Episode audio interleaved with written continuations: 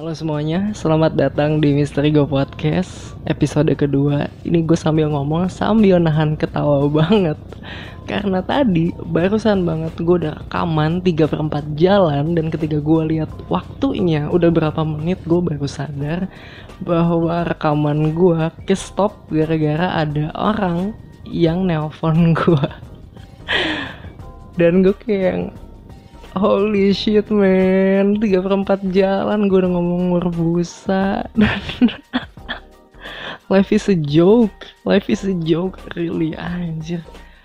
Aduh uh, Anyway gimana kabar kalian di di tengah situasi self quarantine pandemi corona ini? Gue harap kalian baik-baik aja Stay sane Tetap sehat mental uh, jangan lupa untuk cari hal-hal menarik dan hal-hal yang menyenangkan setiap harinya. Jangan bosan-bosan biar kalian tetap sehat mental. Itu. Dan kalian pernah dengar nggak sih kalau ada orang-orang itu sekarang mulai bilang oh corona will set the new normal katanya gitu. Jadi dengan adanya pandemi ini manusia bakal punya kondisi normal yang baru.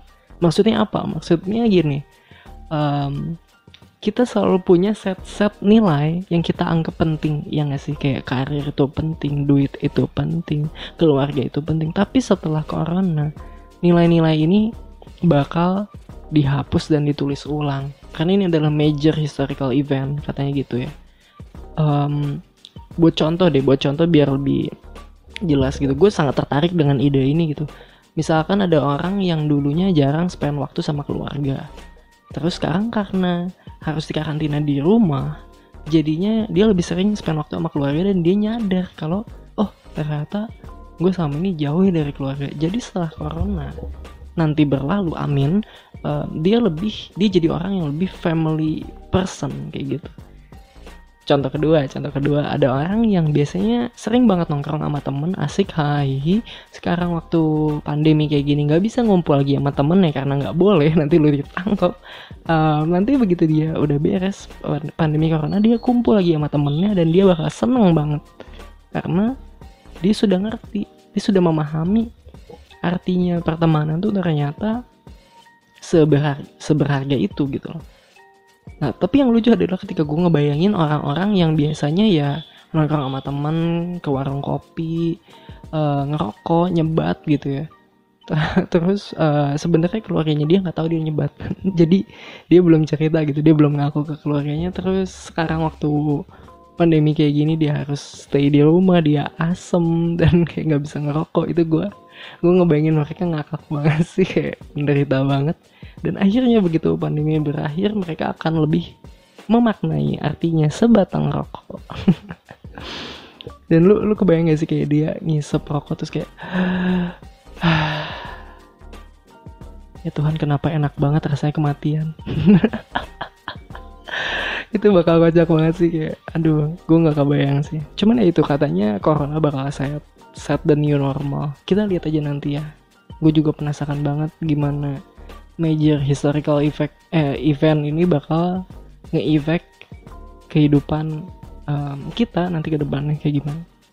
Oke, kita masuk ya ke materi, kita masuk materi jangan terlalu lama bacot. Tapi sebelumnya gue mau ngeliat dulu. Oke, masih recording.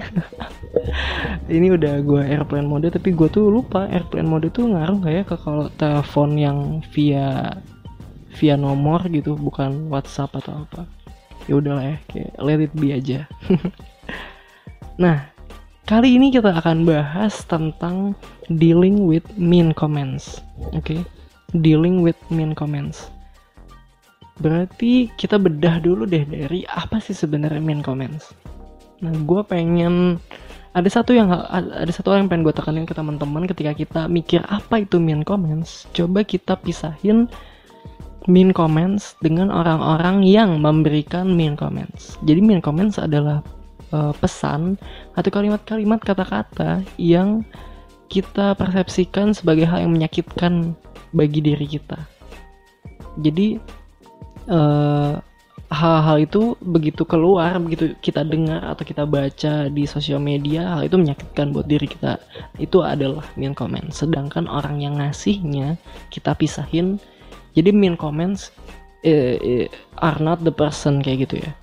Nah kenapa gue bilang kayak gini? Karena sadar ya sadar ya. Sebenarnya kalau di film-film di film-film nih banyak banget penjahat yang ya nggak nggak sebenarnya jahat. Dia kepepet jahat gitu loh. Kayak lu inget gak sih uh, pangeran Zuko dari Avatar The Last Airbender kayak dia tuh pengen nangkep Avatar gitu cuman biar nggak cuman sih bagi dia biar bapaknya sayang lagi ke dia dan dia dapat kehormatannya balik.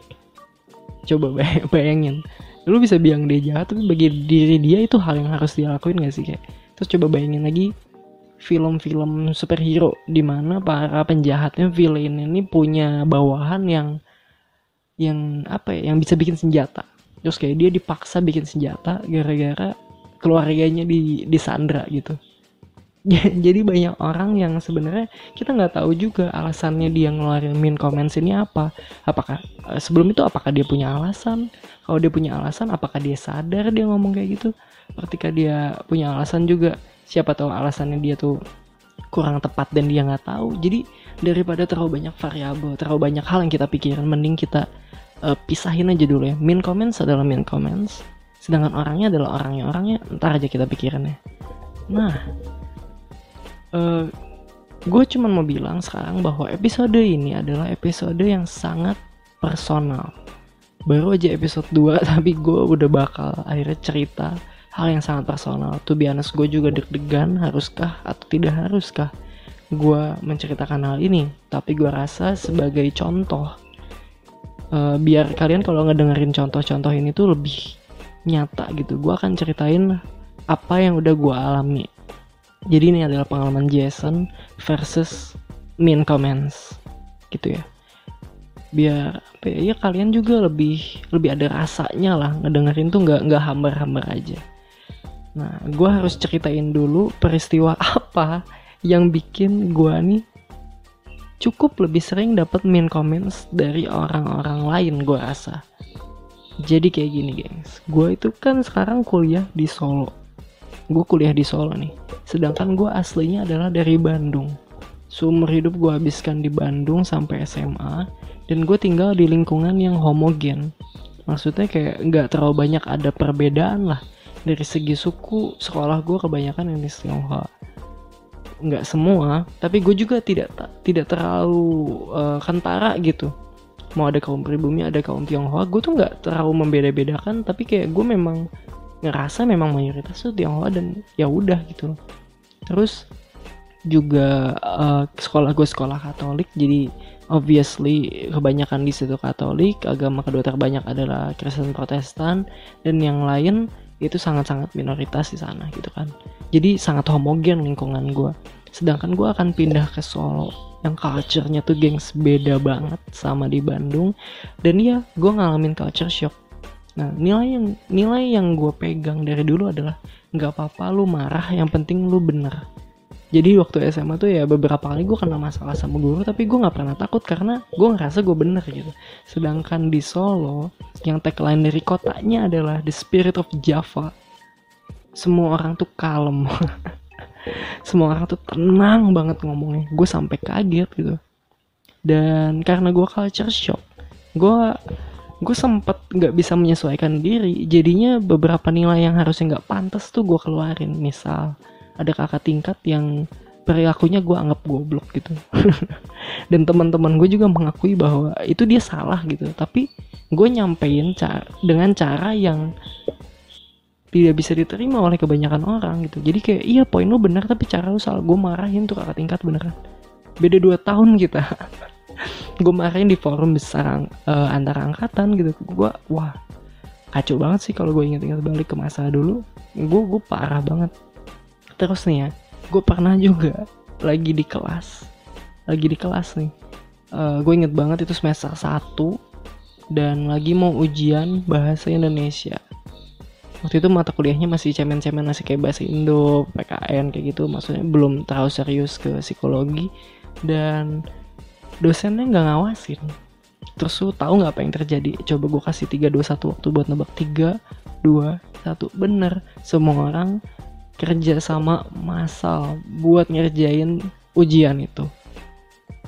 Gue nggak apa-apa atau apa-apa nih dengan kerja sama masalah sebenarnya gue nggak apa-apa. Tapi yang jadi masalah adalah mereka teriak-teriak. Jadinya yang gue pikir tuh gini semua jawaban tuh bakal sama. So gue yang duduk di bangku paling depan gue berdiri gue ngebalik ke arah satu kelas terus gue bilang kayak gini. Lu kalau semua teriak-teriak dan jawaban semua orang sama dosennya begitu ngecek juga tahu dari nilai semua orang yang 11-12 kalau ini orang kerja sama bego. Gue bilang kayak gitu. Dan wow melihat lagi ke belakang gokil banget sih. Gue bisa sampai ngomong kayak gitu gue gue shock banget kayak oh dulu gue kayak gitu ya. Nah gue yang kayak gini gue yang punya nilai marah tuh nggak apa-apa asalkan bener ini bikin lingkungan nggak bisa terlalu menerima gue karena memang beda budayanya. Dan gue yang tidak diterima di lingkungan lama-lama memuncak memuncak memuncak sampai gue mengalami yang namanya depresi. Bener uh, lu mendengarkan dengan tepat. Gue bilang kata depresi. Gue pernah depresi. Dan kalau lu tahu uh, depresi itu apa kayak lu bakal nyadar juga sebenarnya sama seperti semua penyakit fisik juga ya. Depresi itu punya checklistnya. Kalau lu A B C D E berarti bener lu depresi. Kalau lu A B oh enggak ini bukan depresi ini lu sedih misalkan. Nah uh, checklist itu terpenuhi ya gue diagnose depresi gitu. Dan setelah lima bulan uh, intensif gitu um, gue konseling terus um, dikasih langkah-langkah untuk self healing juga. Akhirnya ya lima bulan sih puji Tuhan cepet banget itu hitungannya untuk uh, depresi untuk sembuh. Uh, bisa beraktivitas lagi dengan normal. Butuh gue uh, gue membutuhkan waktu lima bulan tapi pun setelah lima bulan ini berlalu tetap ada satu checklist yang susah banget hilang. Yang mungkin udah kebentuk juga bersama dengan habit adalah susah tidur atau jadi gue tuh uh, tidur terlalu sedikit atau tidur terlalu banyak. Bahasa yang lebih gampangnya ya udah gue susah tidur. Bayangin kayak orang biasanya susah tidur terus bisa tidur cuma di jam 12 malam nah enggak. Gue bahkan sangat beruntung kalau jam 3 malam gue bisa tidur. Biasanya jam 5 gue baru bisa tidur itu. Nah lu bayangin orang harus kuliah dengan kondisi kayak gitu setiap hari datang ke kampus. Apa yang terjadi? Benar kuliahnya akan berantakan. Entah dia nggak datang ketiduran dia datang tapi telat dia datang tapi tidur di kelas karena dia belum tidur nggak sanggup dia mengikuti perkuliahan yang padat. Dan ya udah eh, semester berapa semester itu kuliah gue memang nggak nggak nggak benar gitu nggak bisa nggak benar nah um, this is what happened to me. Ya se ekstrimnya se ekstrim itu terdengar tapi nggak apa-apa. Kita pakai aja jadi contoh. Sekarang puji Tuhan gue udah sembuh dan gue pengen bantu semakin banyak orang untuk nggak masuk ke dalam kondisi yang gue pernah masuki. Kayak gelap banget jangan masuk ke sana oke. Okay. nah ngomongin lagi balik ke min comments. Sebenarnya cara menghadapi min comments agar kita nggak terganggu gitu ya sebenarnya tuh cuman satu. Sebenarnya cuma satu. Kalau kita ngebayangin main comments ini sebagai pukulan-pukulan yang datang ke diri kita kayak bayangin kalau itu online ya berarti ya bayangin aja ada ada tangan ma keluar gitu ya dari handphone kita gitu. Um, main comments ini kalau kita bayangin sebagai pukulan-pukulan kita cuma punya dua pilihan. We gonna do something about it atau we're not gonna do anything about it. Jadi antara lu mau ngakuin sesuatu atau lu nggak mau ngakuin sesuatu maksudnya apa? Lu lu bakal sadar kalau ini tuh min comments gitu. Lu bakal sadar ini nyakitin diri lu gitu. Duh kok sakit ya bacanya? Tapi apa yang akan lu lakukan tentang hal itu? Apa lu akan biarkan hal itu menyakiti diri lu entah habis itu lu sedih atau lu marahin balik orangnya lu terkonsumsi oleh min comments itu atau lu mau menghindar ngeblok pukulannya atau, uh, eh, atau apa lu mau pokoknya ya ya lu mau menghindar mau lu pukul balik tapi lu poinnya adalah di lu menyadari itu min comments dan lu nggak akan kalah dengan min comments itu lu memutuskan untuk do something about it oke okay? nah sebenarnya cara menghadapi min comments itu cuman di situ di kesadaran bahwa lu tuh bisa nggak kalah sama ini min comments. Min comments mah ya udah ada di situ tapi lu punya pilihan mau ngapain. Nah udah nih udah. Sebenarnya gue bilang caranya cuma satu tapi nggak akan asik dong gue bikin jadi episode podcast kalau jawabannya emang cuma ada satu. Kalau gitu gue bakal cuman bikin postingan Instagram. Nah gue punya sekitar 5 kali ya 5 tips yang bisa gue kasih ke kalian biar lu bisa lebih sadar dan lu nggak kalah lah ibaratnya sama main comments. Dan 5 tips ini tuh sifatnya terbagi ke dalam beberapa kondisi gitu kayak kalau lu kayak gini nah lu mungkin mau coba kayak gini aja deh biar kebantu. Kalau lu kayak gini lo harus kayak gini gitu. Wait gue minum dulu bentar uh oke. Okay. serat banget sumpah. Tadi udah ngomong berapa menit. Tadi kayaknya sekitar nyampe sini gue tiba-tiba ke riset eh apa tiba-tiba notice nggak kerekam. Tapi banget emang. Oke gue lanjut ya. Nah ada lima hal yang bisa bikin kalian semua termasuk gue untuk lebih lebih apa ya lebih mudah lebih mudah untuk uh, menang atau nggak kalah terhadap main comments ini. Dan gue akan kasih contoh yang relevan yang ada hubungannya sama pengalaman gue tadi. Lu masih ingat kan ya kenapa gue bisa kuliah nggak benar kenapa gue bisa sering telat? Kenapa gue punya masalah dengan presensi atau absensi itu? Nah gue akan kasih contoh yang relevan banget dan gue memang alami sendiri. Oke langsung aja kita mulai. Pertama bayangin lu ada di dalam kondisi di mana itu memang min comments tapi orangnya tuh sebenarnya nggak nyadar juga kalau itu tuh nyakitin diri lu gitu. Ya kelihatan lah misalkan dia juga ngomongnya nggak dengan penekanan gitu. Dia bercanda misalkan. Jadi dia tuh nggak nyadar kalau itu tuh sebenarnya menyakiti diri lu Nah gue punya pengalaman misalkan nih. Gue udah struggle banget buat datang ke kelas itu Gue begadang bener-bener kayak Duh jam 5 belum bisa tidur Kelasnya setengah 8 Aduh gue tidur 3 jam pasti gue ketiduran. Ya udah gue bantai gue lanjutin gak tidur Gue datang ke kampus lebih dulu Gue tungguin. Terus gue ke WC Begitu udah udah mau mulai Cuci muka biar gak ngantuk segala macam Begitu gue balik lagi ke kelas uh, dosennya udah datang. Dosennya udah datang gue duduk di situ dan temen gue bilang ke gue kayak J lu telat mulu dah. Udah simple gitu doang. Sep J lu telat mulu dah. Lo tau apa yang gue lakuin? Gue keluar gue nangis di kamar mandi gue pulang. Karena gue sedang dalam kondisi yang memang healing banget di situ. Gue lagi nggak bisa tuh dapat hal kayak gitu kan itu yang terjadi sama diri gue tapi yang bisa jadi tips buat kalian semua adalah 5 minute rule. Jadi namanya 5 minute rule. Oke kita harus menyadari bahwa sebenarnya ini teman gue yang bilang ke gue kayak waktu gue sedih nih gue sedih terus kayak temen gue nanya kenapa terus gue ceritain terus dia bilang gini ke gue tiba-tiba. E, menurut tuh si orang yang ngomong ini sekarang lagi ngapain lagi mikirin lo nggak? Lagi nyesel nggak sama tindakan lo nggak. Kayak bener. Bahkan menurut gue dia mungkin udah lupa juga dia pernah ngomong kayak gitu.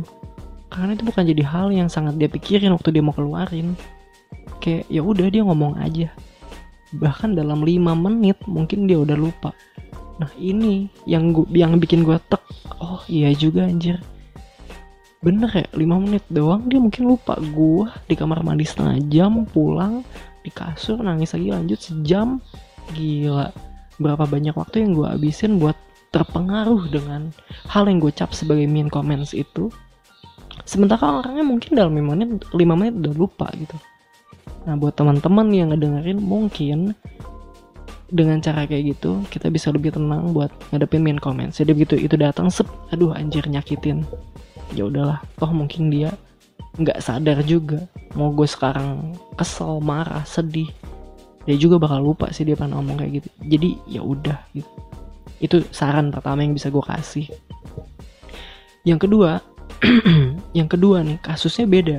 Kasusnya gimana kalau nih orang uh, memang sengaja ngasih sebuah komentar ke kita dengan tujuan membangun? Maksudnya gimana cirinya kayak gimana. Cirinya adalah emang itu mean comments tapi itu bener. Lu pasti pernah ngalamin gak sih kayak anjir sakit banget kata-katanya tapi kok bener? Gitu kan. Nah ini adalah contoh-contoh kasus seperti itu. Ketika itu merupakan min comments lu tersakiti oleh oleh komentar itu tapi juga nggak salah sebenarnya komentar yang dia kasih. Nah gue pernah ngalamin uh, ada teman bilang ke gue dengan dengan santai banget sih kayak uh, apa ya kayak dia dia bilang kayak gini dia bilang kayak gini. Um, Ji lu mau sampai kapan sih sebenarnya kayak gini? Lu nggak akan bisa sukses tau kalau kayak gini terus. Nah, jadi temen ini tuh emang gue udah pernah bagikan mimpi gue ke dia, goals gue apa tuh gue udah pernah share ke dia dan dia ngomong kayak gini, nyakitin banget man buat gue waktu itu kayak, wah. Tapi gue yakin lu, lu semua juga pasti pernah deh ngalamin pengalaman yang serupa sama ini dan lu juga pasti ngerti gimana sakitnya tapi itu bener jadi lu nggak bisa apa-apa kan pasti mikirnya nah sekarang saran yang gue dapet dari seseorang adalah coba lepasin muatan emosi dari pesan itu. Oke, okay? gue ulangin lagi, coba lepasin muatan emosi dari pesan itu. Kayak bayangin dari yang tadinya pesannya berbunyi, lu mau sampai kapan sih jadi kayak gini? Lu nggak akan bisa sukses. Lu lepasin jadi, lu mau sampai kapan sih jadi kayak gini? Lu nggak akan pernah sukses. Udah, jangan kasih nada itu pesannya jangan kasih emosi yang tersisa di situ bahkan ketika lu ulangin kalimat itu muka lu bikin jadi datar beneran kenapa karena pesannya bener sebenarnya pesannya bener itu bisa jadi masukan yang membangun buat diri kita. Bener gak? Lu harus akuin itu. Tapi menyakitkan. Nah yang bikin sakit adalah muatan emosi yang ada pada pesan itu. Coba kita lepasin. Beneran cobain. Ya banyak metode yang bisa dilakuin buat ngelepasin muatan emosi. Mulai dari lu tulis ulang pesannya atau lu ucapkan ulang dengan nada yang berbeda tapi ambil yang positif dari situ masukin ke diri lo. Kayak gitu itu adalah yang harus lo lakuin ketika itu main comments ya lo tersakiti. Tapi sebenarnya nggak nggak juga salah gitu. Nah contoh ketiga adalah ketika itu adalah main comments dan itu salah. Ya kayak lu nggak bego tapi ada orang bilang ke lu lu bego gitu. Ada ada orang bilang lu nggak lu nggak sopan. Padahal sebenarnya enggak lu malah sopan gitu. Tapi itu jahat gitu komentarnya dia. Kayak uh, menyakitkan lah buat diri lu gitu. Apa yang harus lu lakuin? Gue punya pengalaman dan kalau pengalaman yang tadi yang udah gue ceritain adanya di masa lalu kalau ini enggak di masa sekarang. Bahkan sebelum self quarantine ini gue mengalami banget. Nah tadi kan kalian pasti udah udah udah udah gue ceritain tuh tentang kenapa gue punya masalah dengan presensi. Kenapa adalah karena memang gue punya checklist depresi yang belum tuntas. Gue masih susah banget tidur pun setelah gue berusaha untuk ngebenerin. Tapi gue nggak ngerti. Duh gue takut banget ceritain ini sebenarnya. Gue nggak ngerti gimana caranya Tapi Dosen-dosen Nah lu ngerti kan kenapa gue takut? Dosen-dosen itu Nganggepnya Jadi mereka pernah ada rapat nih Kayak ngomongin mahasiswa-mahasiswa yang bermasalah Dan gimana uh, Membantu mereka gitu. Nah mereka mencapai satu kesimpulan bahwa Jason adalah seseorang Yang secara intelektual dia mampu Dia cerdas Tapi dia tuh males. Jadi uh, lu tau gak sih kayak uh, jenius-jenius itu kayak suka malas ikutan kelas karena kelas-kelas tuh boring bagi dia. Nah gue diperlakukan kayak gitu. Anjay keren juga ya gue jenius. Nggak tapi emang nggak nggak segitunya sih. Tapi gue diperlakukan sebagai orang yang uh, intelektualnya mantep. Dan karena intelektual yang mantep itu dia jadinya boring sama kelas-kelas yang monoton. Lu bayangin jadi gue gue yang segitunya pengen kuliah dengan bener ngedengar bahwa Dosen ternyata punya image kayak gitu terhadap diri gue. Itu nyakitin banget men sumpah. Itu kayak yang uh, gitu. Itu keren sih. Itu keren sih. Tapi gue bukan orang kayak gitu. Itu ada di dalam hati dan pikiran gue itu kayak kemarin bener bener aja lagi di tengah-tengah kelas tiba-tiba dosen notice gue tuh ngulang kelas itu kayak oh Jason ngambil kelas ini lagi? Oke kamu ini ya saya tahu kamu tuh cerdas ya tapi kayak uh, coba jangan malas ikutan kelas nggak apa-apa ikutin aja kelasnya. Itu aturan yang memang berlaku di perguruan tinggi. Like damn man I know. Kayak shut the fuck up. Uh, tapi ya gimana? Nggak bisa gitu. Kayak um, saran yang mau gue kasih kalian adalah sadari bahwa tidak semua mispersepsi atau kesalahpahaman orang tentang diri kita itu perlu kita benerin. Beneran deh, gak semua kesalahpahaman orang tentang diri kita perlu kita benerin. Kalau kita mau benerin nih, kita harus perhatiin dua hal. Apakah itu penting, jadi urgensinya ada atau enggak? Dan kedua, apakah situasinya pas untuk membenarkan pandangan yang salah itu? Contoh tadi deh tadi dosen tersebut gitu ya. Beliau nih ngomong kayak gitu ke gue dan urgensinya apa gue ngomong kayak gitu? Apakah dengan gue bilang kayak uh, apakah dengan gue meralat omongannya dia apakah itu membuat gue feel better? Apa nggak akan jadi lebih aneh suasana kelasnya? Atau apakah itu akan mau mengubah pandangan semua dosen yang lain? Nggak juga gitu. Belum tentu dan ketika kita menilik lagi satu lagi tadi selain urgensi, situasinya itu lagi di tengah-tengah kelas, semua orang lagi memperhatikan, semua orang lagi fokus. Uh, terus dosen itu ke distrik dengan adanya gue dan dia bahas gue. Tapi kalau gue bahas diri gue lebih jauh lagi kayak enggak pak, saya itu sebenarnya pernah depresi karena depresi. Saya depresinya btw karena ini loh pak. Nanti uh, setelah saya sembuh itu masih tersisa checklistnya kayak anjir men itu terlalu panjang, terlalu mengganggu jalannya perkuliahan so gue pilih untuk apa? Ya udah. Ini orang punya pandangan gitu tentang gue sekarang. Nggak apa-apa gue bakal buktiin gue bakal jadi lebih baik. Dan ya udah. Oke okay, oke okay, maybe some of you bakal mikir kayak ya tapi kan itu image lu aja dia uh, image lu di mata dosen itu bakal jadi kayak gitu. Di mata teman-teman mahasiswa baru juga bakal kayak gitu. Terus kayak gue cuman mau bilang so what? I don't care dengan citra diri I don't care dengan image. Kenapa? Karena gue yang tahu gue tuh kayak gimana. Dan kalau memang gue dipik uh, di pikiran teman-teman dan dosen adalah gue orang yang belum baik, nggak apa-apa. Karena ketika nanti gue udah berubah, gue sudah menjadi lebih baik dan mereka melihat gue jadi lebih baik, toh citra diri gue bakal sama lagi, bakal jadi baik gitu. So gak usah capek-capek coba ngebenerin. Tapi kalau emang situasinya pas misalkan nih lu ketemu lagi sama dosen itu di kondisi lain lagi nyantui sama-sama bapak punya waktu nggak? Kayak lu cerita sebenarnya pak saya tuh kayak gini.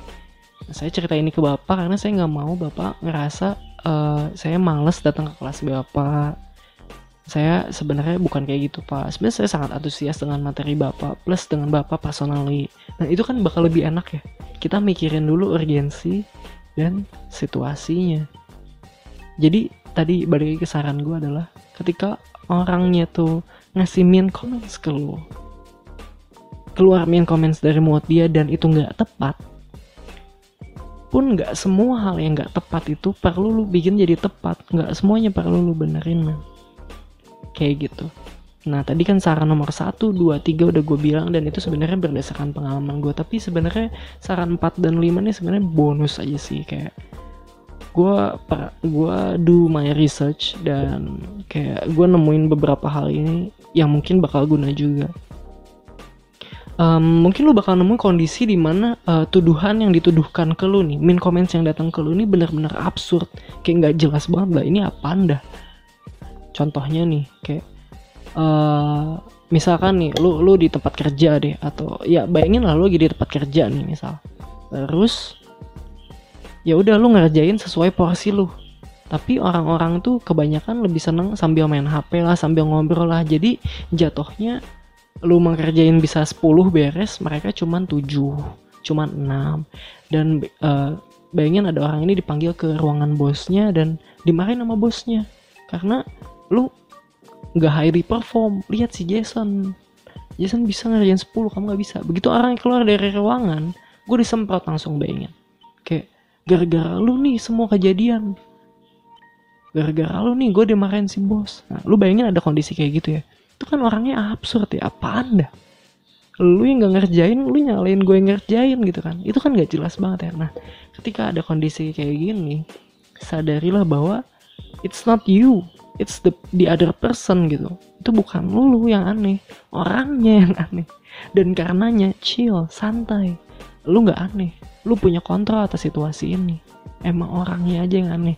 Bisa jadi dia nggak terima dia malu uh, dimarahin bos di depan semua orang. Jadi dia defense dia bertahan dengan nyalahin orang lain biar dia tidak kelihatan buruk. Orang lain malah kelihatan buruk bisa salah dia ya bener it's it's it's on him atau her gitu emang salahnya dia. Atau bisa juga bayangin orang punya memang dia punya mental condition uh, atau mental illness lu nggak tahu gitu tapi kayak itu absurd. Anyway ya udah itu mah masalah orangnya bukan lu nya jadi lu santai aja. Lu nggak usah jadi kayak yang apa iya ya gara-gara gue ya? Aduh uh, tau gitu gue nggak gini deh. Jangan uh, atau lebih parahnya lagi lu malah nurunin performance lu. Gara-gara lu digituin orang jangan.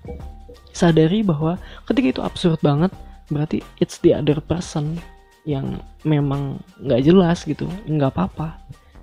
Jadi lu bisa lebih santai.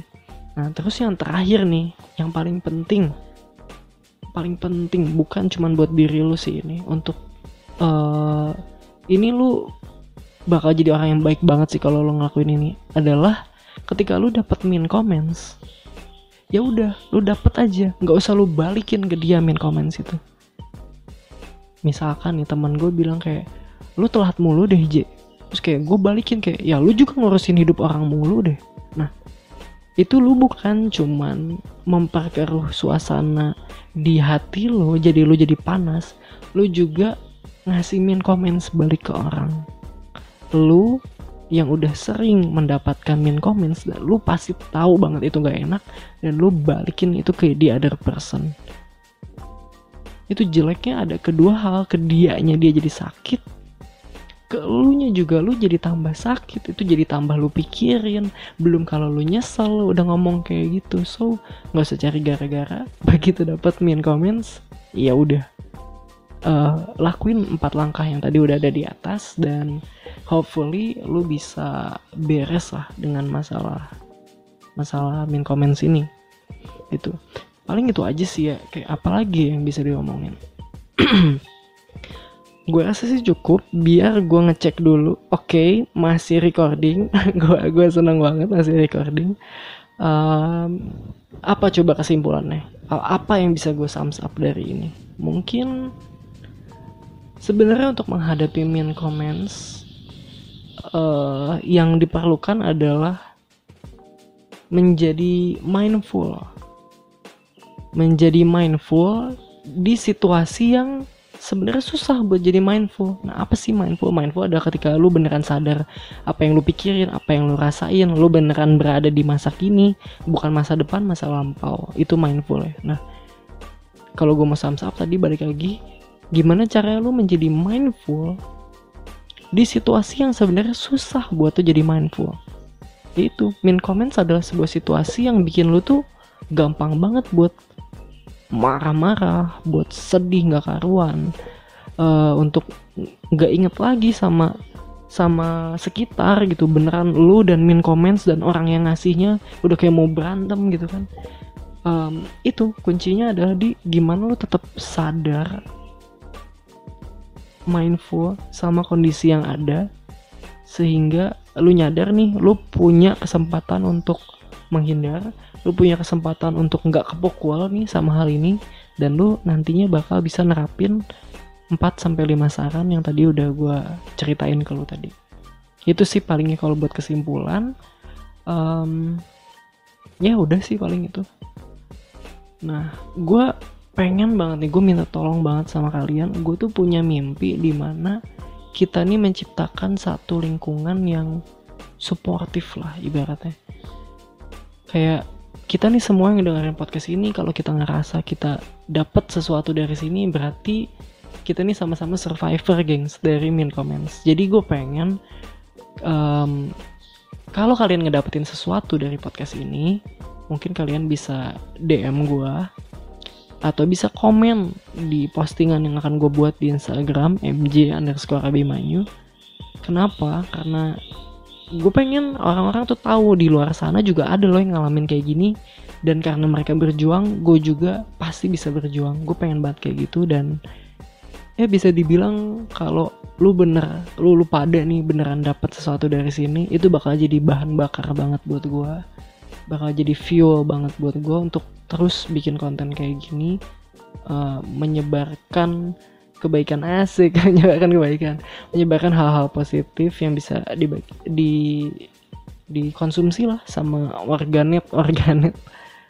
Gitu sih gue minta tolong banget ke kalian kalau dapetin sesuatu tolong di DM ke gue atau komen di postingan.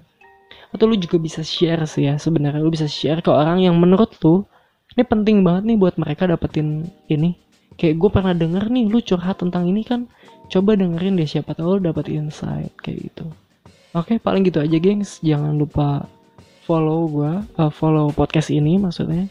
Mister Go Podcast kayak udah dengerin tapi lupa follow. Nggak lengkap follow aja.